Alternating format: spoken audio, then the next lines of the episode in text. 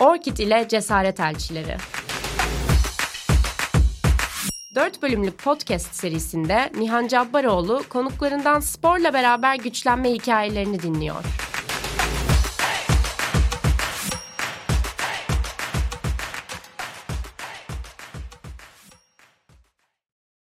Merhaba, Orkid'le Cesaret Elçilerine hoş geldiniz. Ben Nihan Cabbaroğlu. Her hafta ilham veren bir kadınla spor hikayelerini konuşuyoruz ve cesaret hikayelerini konuşuyoruz. Bugün konuğumuz triatlet ve matematik öğretmeni İpek Öztosun, aynı zamanda Orkid Cesaret Elçisi. İpek hoş geldin. Merhaba, hoş buldum. Teşekkür ediyorum davetiniz için. Senin hikayenden bahsedeceğiz bugün birazcık. Sporla olan ilişkinden bahsedeceğiz. Hem bir matematik öğretmenisin, bir yandan aktif olarak öğretmenliğe devam ediyorsun. Hatta biz bu kayıt öncesinde tanışırken de bazen okuldan bağlandığın oldu. Arkada tahtayı görebildik. Oradan çıkıp da ya da okula gitmeden önce de antrenmanlar yapıyorsun. Yani çok yoğun bir hayatın olmalı. Evet, ben yaklaşık 11 yaşımdan itibaren günde çift antrenman yapmaya çalışıyorum. Bunun ilk 10 yılı öğrencilikle geçti. Son 4-5 yıldır da aktif olarak çalışma hayatında yer alıyorum. Ama aynı zamanda spor yapmaya, antrenman yapmaya ve yarışlara katılmaya da devam ediyorum. Dediğiniz gibi yoğun bir temponun içindeyim. Ama bu rutini ve bu programda ilerlemeyi seviyorum. Harika gerçekten. Müthiş bir enerji gerektiriyor ki yapmış olduğun sporlar da hiç kolay sporlar değil.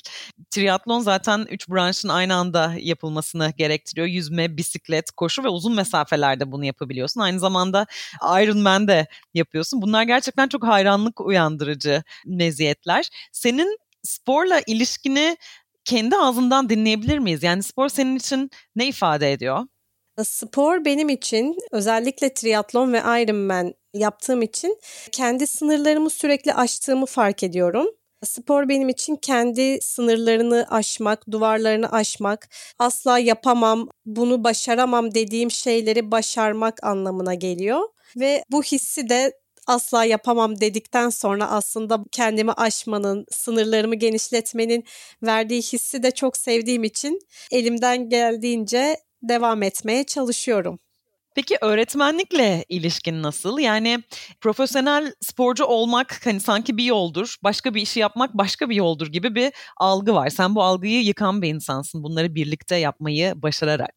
Evet aslında buna ben de çok fazla inanmıyordum ama bu şekilde gelişti. Şöyle geriye gidecek olursak ben 17 yaşımda ilk defa milli takıma seçildim ve 17 yaşımdayken de lise son sınıftaydım. Yani üniversite sınavına hazırlandığım yaştaydım ve o milli takım yarışına gitmek istemedim ben. Çünkü öncesinde şehir dışında bir 3 haftalık kampımız vardı. Sonrasında da ilk uluslararası yarışma girmeye hak kazandım. Ancak lise son sınıf öğrencisi bir öğrencinin 3 hafta derslerinden işte etütünden, dershanesinden uzak kalması bence bir kayıptı o yaşta. Ve akademik anlamda da eğitim anlamında da beklentisi olan bir öğrenciydim. İlk kırılma noktası bende orada yaşandı 17 yaşımda. Annem ve antrenörümün zoruyla ben o kampa gittim. Giderken antrenman eşyalarımın yanında böyle bir çanta dolusu ayrı bir valizle de işte soru bankaları, ders kitapları, okul notlarımı alarak gittim. Çünkü orada her boşluğumda, her antrenman arasında da bir yandan notlarımı tamamlamaya çalışıyordum. Orada 3 haftayı o şekilde geçirdim. Milli takım yarışımı yarıştıktan sonra kendi şehrime geri dönüp aynı rutine devam ettim. İlk sınavlarım kötü geçmişti. Dershanede böyle birkaç sınıf geriye düşmüştüm. Ama daha fazla çalışarak aynı seviyeye tekrar geri döndüm. Burada ailemin çok fazla desteği oldu. Her boşluğumda özel ders almamı sağladılar. Ben oradayken annem sürekli okuldaki arkadaşlarımdan notlarımı alıp kargoyla bana Alanya'ya gönderiyordu. Ben de orada tamamlamaya çalışıyordum. Bu süreçten sonra da tekrar notlarım eski seviyeye ulaştıktan sonra hatta okuldaki öğretmenlerim de aileme veli toplantılarında her seferinde teşekkür ettiler. Bu şekilde ilk kırılma noktasını yaşadım. Üniversite sınavında da iyi bir sonuçla istediğim bölüme, istediğim okulda yerleştim. Ki bu seviyede de artık iyi bir sporcu olduğum için Artık milli takıma da seçildim ve hedeflerim, hayallerim daha da bir üst basamağa çıktı. Ben de buna uygun olarak bir tercih yapıp üniversiteye başladım. Üniversiteden sonra da yapmak istediğim mesleğin, olmak istediğim yerin okullar ve gençlerle çalışmak olduğu için öğretmenliği tercih ettim. Ya birçok kişi ergenlikten sonra özellikle üniversiteye hazırlanırken ki dönemde hani bir tercih yapması gerekiyormuş gibi hissediyor. Sanki hani sporla devam edince derslerde geri kalırım, işte derse devam edince de spordan geri kalırım gibi. Bunu birlikte yürütmek çok emek isteyen bir iş olsa gerek ama arkadaşların ve ailenin desteğinin burada çok önemli olduğundan bahsettin. Birçok genç kız da aynı şekilde düşünüyor aslında Orkid'in yapmış olduğu bir araştırmaya dayanarak bunları söylüyorum. Bir spora devam etmek için aile ve arkadaş desteği çok çok önemli. Sen ne düşünüyorsun bu konuda? Kesinlikle ben de aynı şeyi düşünüyorum. Bu yüzden çok şanslı olduğumu düşünüyorum. Çünkü ailem her zaman spor yapmam için gerekli fedakarlığı sağladı. Öğretmenlerim konusunda da çok şanslıydım. Ben yarışlara gittiğimde ya da kamplara gittiğimde onlar da çok yardımcı destek oldular. Bu konuda da çok şanslıydım. Aynı zamanda takım arkadaşlarım, antrenörlerim de gerekli anlayışı her zaman sağladılar. Umarım her sporcu, her genç kız bu şartlar altında çalışma fırsatı sağlayabilir. Peki sporun engelleyici değil, destekleyici olduğunu söyleyebilir misin yani kariyerinde? Ya da şöyle sorayım. Hani sanki bazen sporun derse engel olduğu şeklinde bir algı oluşabiliyor. Bu konuda sen neler söylersin? Yani aslında bu bir engel mi yoksa başka faktörleri de mi hesaba katmalıyız? Evet aslında ilk başta düşününce aynı fikre ben de kapılmıştım dediğim gibi 17 yaşımda. Hem milli takım sporcusu olup hem de derslerimde başarılı olabileceğimi düşünmemiştim. Bu yüzden o kampa, o yarışa gitmek istemedim. Döndükten sonra da o yarıştan yine sporu bırakmayı ya da ara vermeyi düşündüm. Ancak ailemin desteğiyle spora ara vermeden sadece antrenman sayımı biraz daha azaltarak o senelerde aynı başarıyı gösterdim. Bence spor yapmak ya da herhangi bir aktivitede profesyonelce ilgilenmek dersleri olumsuz etkilemiyor. Aksine bana planlı, programlı ve disiplinli çalışmayı aslında aşıladığı için kendimi tam anlamıyla derslere ya da akademik kariyerime daha iyi odaklanmamı sağladı.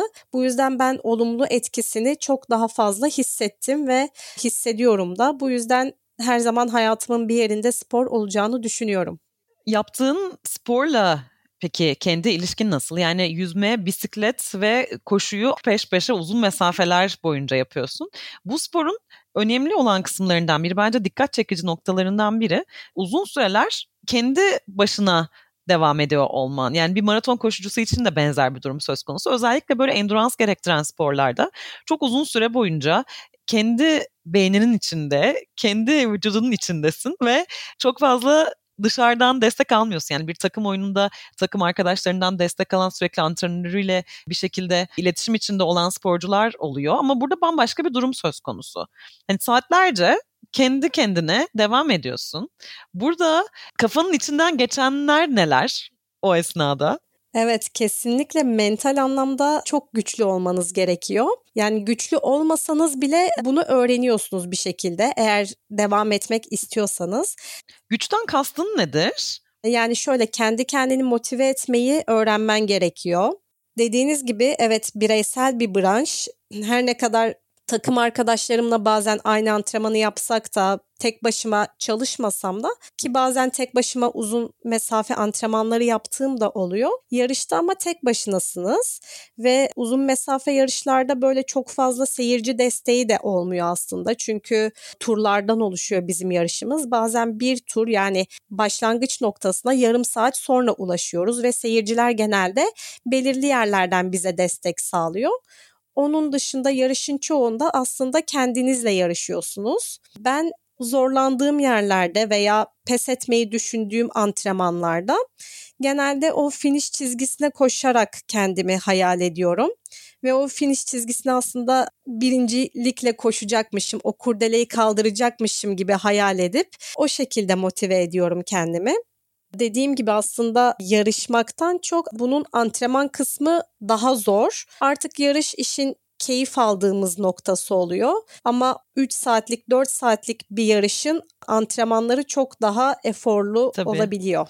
Çok zor gerçekten. Yani genel hayatın akışını düşündüğümüz zaman aslında hani şeyden şikayet ediyoruz ya çoğu zaman. İşte nasıl zihnimizi boşaltamıyoruz, çok fazla şey üst üste geliyor, bir koşturma içerisindeyiz falan. İşte spor yapmak aslında bunların bunlardan kurtulmanın ve zihnini biraz daha berraklığa ulaştırmanın en önemli yöntemlerinden biri. Kesinlikle. Sen çok şanslısın çünkü hayatında böyle bir alan var. Yani sürekli bunu yaptığın bir durum var. Orada zihnini boşalttığını hissediyor musun? Evet, özellikle yüzme antrenmanlarımda bunu hissediyorum. Bilmiyorum koşu ve bisiklet daha çok böyle vücuda darbe verdiği için olabilir ya da daha çok işimiz sürelerle olduğu için olabilir ama ben o suya girme ve o sudaki boşlukta olma hissini çok seviyorum. Genelde de yüzme antrenmanlarımı sabah erken saatte yapıyorum. Vücudum da artık ona uyum sağladı. Sabah 6 ile 8 arasında genelde suda oluyorum hafta içi ve o suda zihnimi dinlendirme, dediğiniz gibi deşarj olma hissini seviyorum. Genelde de bizim bu recovery dediğimiz dinlenme antrenmanları zaten yüzme ile oluyor. Çünkü yüzme kaslara daha az koşu ve bisiklet kadar olmasa da daha az darbe veriyor. Ve bu yüzden ben suda olma ve kendimi suda dinleme hissini seviyorum. Harika gerçekten. Yani bu üç branş arasında yüzmenin ayrı bir yeri mi var sende? Evet. Belki de spora da yüzmeyle başlamış olduğum için de öyledir. Peki nasıl triatlona geçiş yaptın? İlkokuldayken aslında ben sınıf arkadaşlarımla daha çok vakit geçirebilmek için yüzmeye başlamak istemiştim. Hmm. Ee, ailem de gerekli şartları bana sağlayıp yüzme kursuna başladım. Daha sonra sınıf arkadaşlarımın hepsi yüzmeyi bıraktı. Ama ben artık orada yeni arkadaşlar edindim ve orada bir takımla çalışmayı ve yüzme antrenmanı yapmayı sevdiğim için onlar bıraksa da ben devam ettim. 5 yıl kadar çeşitli yüzme yarışlarına, Türkiye çapında, Ege bölgesi çapındaki yarışlara ve bunun yanı sıra denizde yapılan open water dediğimiz açık su hı hı. yarışlarına katıldım. Ve genelde uzun mesafe branşında serbest yüzüyordum. Daha sonra şu anki antrenörümün vasıtasıyla koşu antrenmanlarına da başladım. Aslında koşumun yüzmedeki dayanıklılığımı geliştireceğini düşündüğümüz için koşu antrenmanlarına başladım. Ama antrenörüm koşuya da yetenekli olduğumu fark etti birkaç koşu antrenmanından sonra ve beni triatlona yönlendirdi. 16 yaşımda yani triatlonla tanışmış oldum. Ama triatlona başladığımda yani başlamaya karar verdiğimde yüzme ve koşu evet avantajlı olduğum branşlardı ama bisikletten çok korkuyordum ve küçük yaşlarda da bir bisiklet edinip bisiklet sürme gibi bir merakım olmadığı için ailem bana bisiklet almamıştı. Benim de öyle bir talebim olmamıştı onlardan. O yüzden triatlonda ilk birkaç sene bisiklet benim için alışma branşı oldu. Daha sonra artık alışıp derecelerimi geliştirdikten sonra aslında triatlonu sevmeye başladım. Peki bisiklet hani sonradan özel bir bisikletin olduğunu gördüm ama istersen ismini sen söyle. Şöyle çeşitli markalarda bisikletleri kullandım 11 sene içerisinde. Son zamanlarda son birkaç yılda artık triatlonun daha uzun mesafede yapıldığı Ironman branşına yoğunlaştım ve bu branşta da birkaç kere yarışa katıldım. Ama triatlonla Ironman aynı branşları içermesine rağmen yüzme, bisiklet, koşu arka arkaya yapılıyor. Ancak Ironman daha uzun mesafe ve zamana karşı olan bir yarış aslında. Triatlonda birincilik, ikincilik, üçüncülük için genelde yarışıyoruz. Ama Ironman'de kendimizle yarışıyoruz. Kendi sürelerimizi geliştirmekle yarışıyoruz. Bu yüzden aslında kullandığımız ekipmanlar vesaire farklılık gösterebiliyor. Yarışın kuralları da farklı. Bu yüzden Ironman yarışlarında kullandığım bir zamana karşı bisikletimiz var. TT bisiklet diyoruz. Bu sene edindim bu bisikleti. Bu sene de en hızlı şekilde zamana karşı bisiklete alışmaya çalıştım. Hatta yeri geldi haftada 18 saat bisiklet üzerinde kaldığım bir hafta olmuştu. Şu anda saat, inanılmaz. Evet, son yarışım kaldı. İki hafta sonra yarışacağım Ironman mesafesini. Onun için hazırlıklarım devam ediyor. Ironman'i bitirmek bile ya birçok kişinin hayali aslında. Kesinlikle, biraz daha böyle evet. eskiden spor yapmış, biraz daha yaşı ileri olan insanlar hani Ironman konusunda biraz daha böyle istekli, arzulu olabiliyorlar bu şekilde Ironman'de başarılı olmak, sürekli dereceni geliştirmek gerçekten harika bir şey bence. Çok hayranlık duyulası bir şey sadece bu bile bence. Teşekkür ederim. Kesinlikle insanın kendini tatmin ettiği yer diyebilirim. Ben de birkaç kere yarıştım aslında bu mesafeyi. İlk yarışımda bir süre veya derece hedefim yoktu. Ama içimden geçen hani tahmini şu saatlerde bitiririm dediğim bir süre vardı. O süreden çok daha iyi bir sürede bitirip yaş grubumda birinci olmuştum. Harika. Daha sonra artık hedef koymaya, süre hedefi, işte genel klasmanda ilk 3, ilk 5 gibi hedefler koymaya başladım ve bunun için de çalışıyorum. Peki öğrencilerin nasıl tepkiler veriyor böyle bir sporcu olduğunu öğrendiklerinde? Hiç farklı bir yani şaşkınlıkla karşıladıkları oluyor mu? Evet çok fazla bu şaşkınlığı her sene ilk hafta yaşıyorum tanışma aşamasında yeni tanıştığım nasıl? öğrencilerle. İnanamıyorlar baştan nasıl yani sabah yüzdünüz mü? Akşam çıkıp ne yapacaksınız? Hafta sonu yarışınız mı var şeklinde. Çünkü evet benim de daha önce karşılaşmadığım bir rol model galiba sporcu ve e, matematik öğretmeni birisi. Bu yüzden öğrenciler de şaşırıyor ama çok fazla hoşlarına gidiyor. Onlarda da heyecan uyandırıyor. Beni böyle ailelerine, anne babalarına anlatmaya başlıyorlar. Kendi yaptıkları branşları benimle paylaşıyorlar onları da heyecanlandırıyor sanırım. Çok güzel. Yani eminim ki orada karşılıklı bir alışveriş de vardır. Yani orada hani senin onlara verdiğin heyecanla birlikte hani öğrencilerin sana geri verdiği de mutlaka bir şeyler vardır. Evet. Yani oradan öğrencilerden hani şimdi öğretmen olarak hani senin sporcu olman onları çok etkiliyor. Hani anlattığın kadarıyla ve hani tahmin ettiğim kadarıyla da aynı şekilde. Öğrencilerle olan bu iletişimden hani senin kazandığın şeyler var mı? Senin seni besleyen şeyler, noktalar neler? Ben de lise kademesiyle çalışıyorum genellikle. Onların geçtiği süreçleri, yaşadığı sıkıntıları az çok hani e, yakın zamanda ben de yaşadığım için tahmin edebiliyorum. Bu yüzden onların önünde böyle somut bir rol model olmak hoşuma gidiyor. İçlerinde sporcu öğrencilerim de var. Hatta spora ara vermeyi düşünenler veya ben daha fazla yapamam bırakmak istiyorum diyen öğrenciler de var. Onları elimden geldiğince motive etmeye ya da tekrar başlamaya yönlendirmeye çalışıyorum. Çünkü dediğim gibi aslında sporun bana kazandırdığı en büyük şeylerden birisi planlı programlı olmak ve bu programa uyum sağlamak. Başarı da bu şekilde geliyor. Ben de onları bu yönde olumlu motive etmeye çalışıyorum. İçlerinden birini bile kazanabilirsem ne mutlu. ne kadar güzel, çok şanslı öğrencilerin gerçekten. Peki sence hani biraz daha kız çocukları özelinde düşünürsek hani hem bir öğretmen olarak hem de hani deney, yaşadığın deneyimler olarak e, kız çocuklarının spor yapması sence ne kadar önemli? Nasıl e, şeyler gözlemliyorsun bu konuda? Kesinlikle bence sporun hangi branşı olursa olsun hayatımızda olması gerekiyor. Özellikle kız çocuklarında da bazen bu ergenlik döneminde özgüven eksikliği görebiliyoruz. Spor özgüven duygularını geliştiriyor bence. Kızlarda karar verme mekanizmasını geliştiriyor ve yaptığın işe odaklanmayı sağlıyor aslında. Bu yüzden dediğim gibi hangi branşı olursa olsun hayatımızda yer almalı. Bir takım branşı olabilir, bireysel branşı olabilir fark etmez. Bize kazanmayı, kaybetmeyi, kazansak da pes etmemeyi öğretiyor bir takım faydalardan dolayı da aslında özgüven problemi yaşayan gençlerde bence olumlu sonuçlar veriyor. Bir de tabii spor yapmanın şöyle bir yönü de var. Aslında kendi bedeninle biraz farklı bir ilişki kurabiliyorsun. Yani antrenman yaptıkça, yeni bir spora başlayınca veya işte o spora devam ettikçe, ona çaba sarf ettikçe hani insanın vücudu da buna bir şekilde karşılığı veriyor. Ve aslında hani sporu yaparak bir yerde vücuduna değer vermiş oluyorsun. Kesinlikle ve bence en değerli varlığımız kendimiz ve vücudumuz. Bu yüzden yaptığımız işe de saygı duyarsak vücudumuz da karşılığını veriyor bence bize bedenimiz. Senin üzerine düşündüğüm bir konu sanıyorum. Daha önce hani kendi bedenine saygı duymakla alakalı, hani insanın kendi vücuduna verdiği değerle alakalı bir takım röportajlar da vermiştin.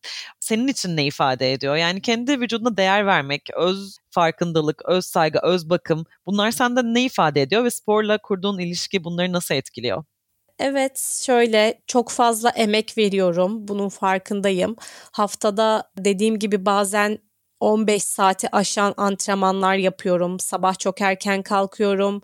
Gitmek istesem de bazı aktivitelerde yer alamıyorum. Arkadaşlarımın doğum günleri veya herhangi bir sosyal aktivitelerde katılamıyorum. Çünkü bunların arkasında bir hayalim var ve onu gerçekleştirmeye çalıştığım için bazen kendimden fedakarlık gösteriyorum sosyal hayatımdan ya da uykumdan. Bunların da karşılığını alabilmek aslında beni en çok motive eden durum. Evet şu anda gidemiyorum gitmek istediğim yere ama işte iki hafta sonra biraz daha dinlenme fırsatım olacak. O zaman katılabilirim şeklinde kendimi motive ediyorum. Bu yüzden de çok emek verdiğim için bedenime dikkat ediyorum. Yediklerime, içtiklerime veya uyku düzenime dikkat etmeye çalışıyorum ki karşılığını alabileyim. En basiti sabah çok ağır bir yüzme antrenmanı yapıyorum. Ondan sonra kahvaltıda çok sevsem de işte hamur işi, poğaça, tatlı vesaire yemek aslında o yaptığım antrenmana ihanet olur gibi geliyor. Bu şekilde bir rutine, bir programa uyarak dikkatli olmaya çalışıyorum. Peki bunların karşılığını en çok ne zaman aldığını hissediyorsun?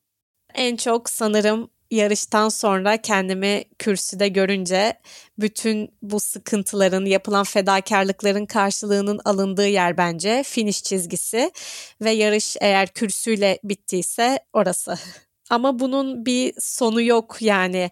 Her sene farklı Hı-hı. hedefler koyarak bir sonu olmayacaktır diye düşünüyorum. Genel olarak baktığın zaman bu sporla ilgili kazanımlarının işte kendi vücuduna değer vermek olduğunu, e, mental güç kazanmak olduğundan bahsettik. Peki spor dışındaki hayatında bunların yansımaları nasıl oluyor? Aklına gelen bir örnek var mı? Yani spor dışında da aslında sosyal anlamda genelde sporcu arkadaşlarımla çok fazla görüşüyorum. Onlarla zaman harcıyorum. Ama yine iş yerimde ya da sosyal hayatımda da title'ım aslında sporcu İpek, Iron Man İpek diye geçiyor. Bu çok güzel. Yani mesela sabırlı olmak hani bu kazanımlardan bir tanesi olabilir mi? Yani bir yandan aslında hani sporculukla öğretmenliğin kesiştiği noktaları da hani bulmaya çalışıyorum. Bunlardan bir tanesi aslında sabır gibi geliyor bana. Evet, bence de benim de şu an aklıma ilk o geldi. Hem öğretmenlik hem spor sabır altında kesişebilir. Gerçekten ikisi de sabır gerektiren iki farklı branş sanırım. Ve birbirini besliyor mu? Yani örneğin mesela diyelim ki sporda evet. bir derece hedefliyorsun.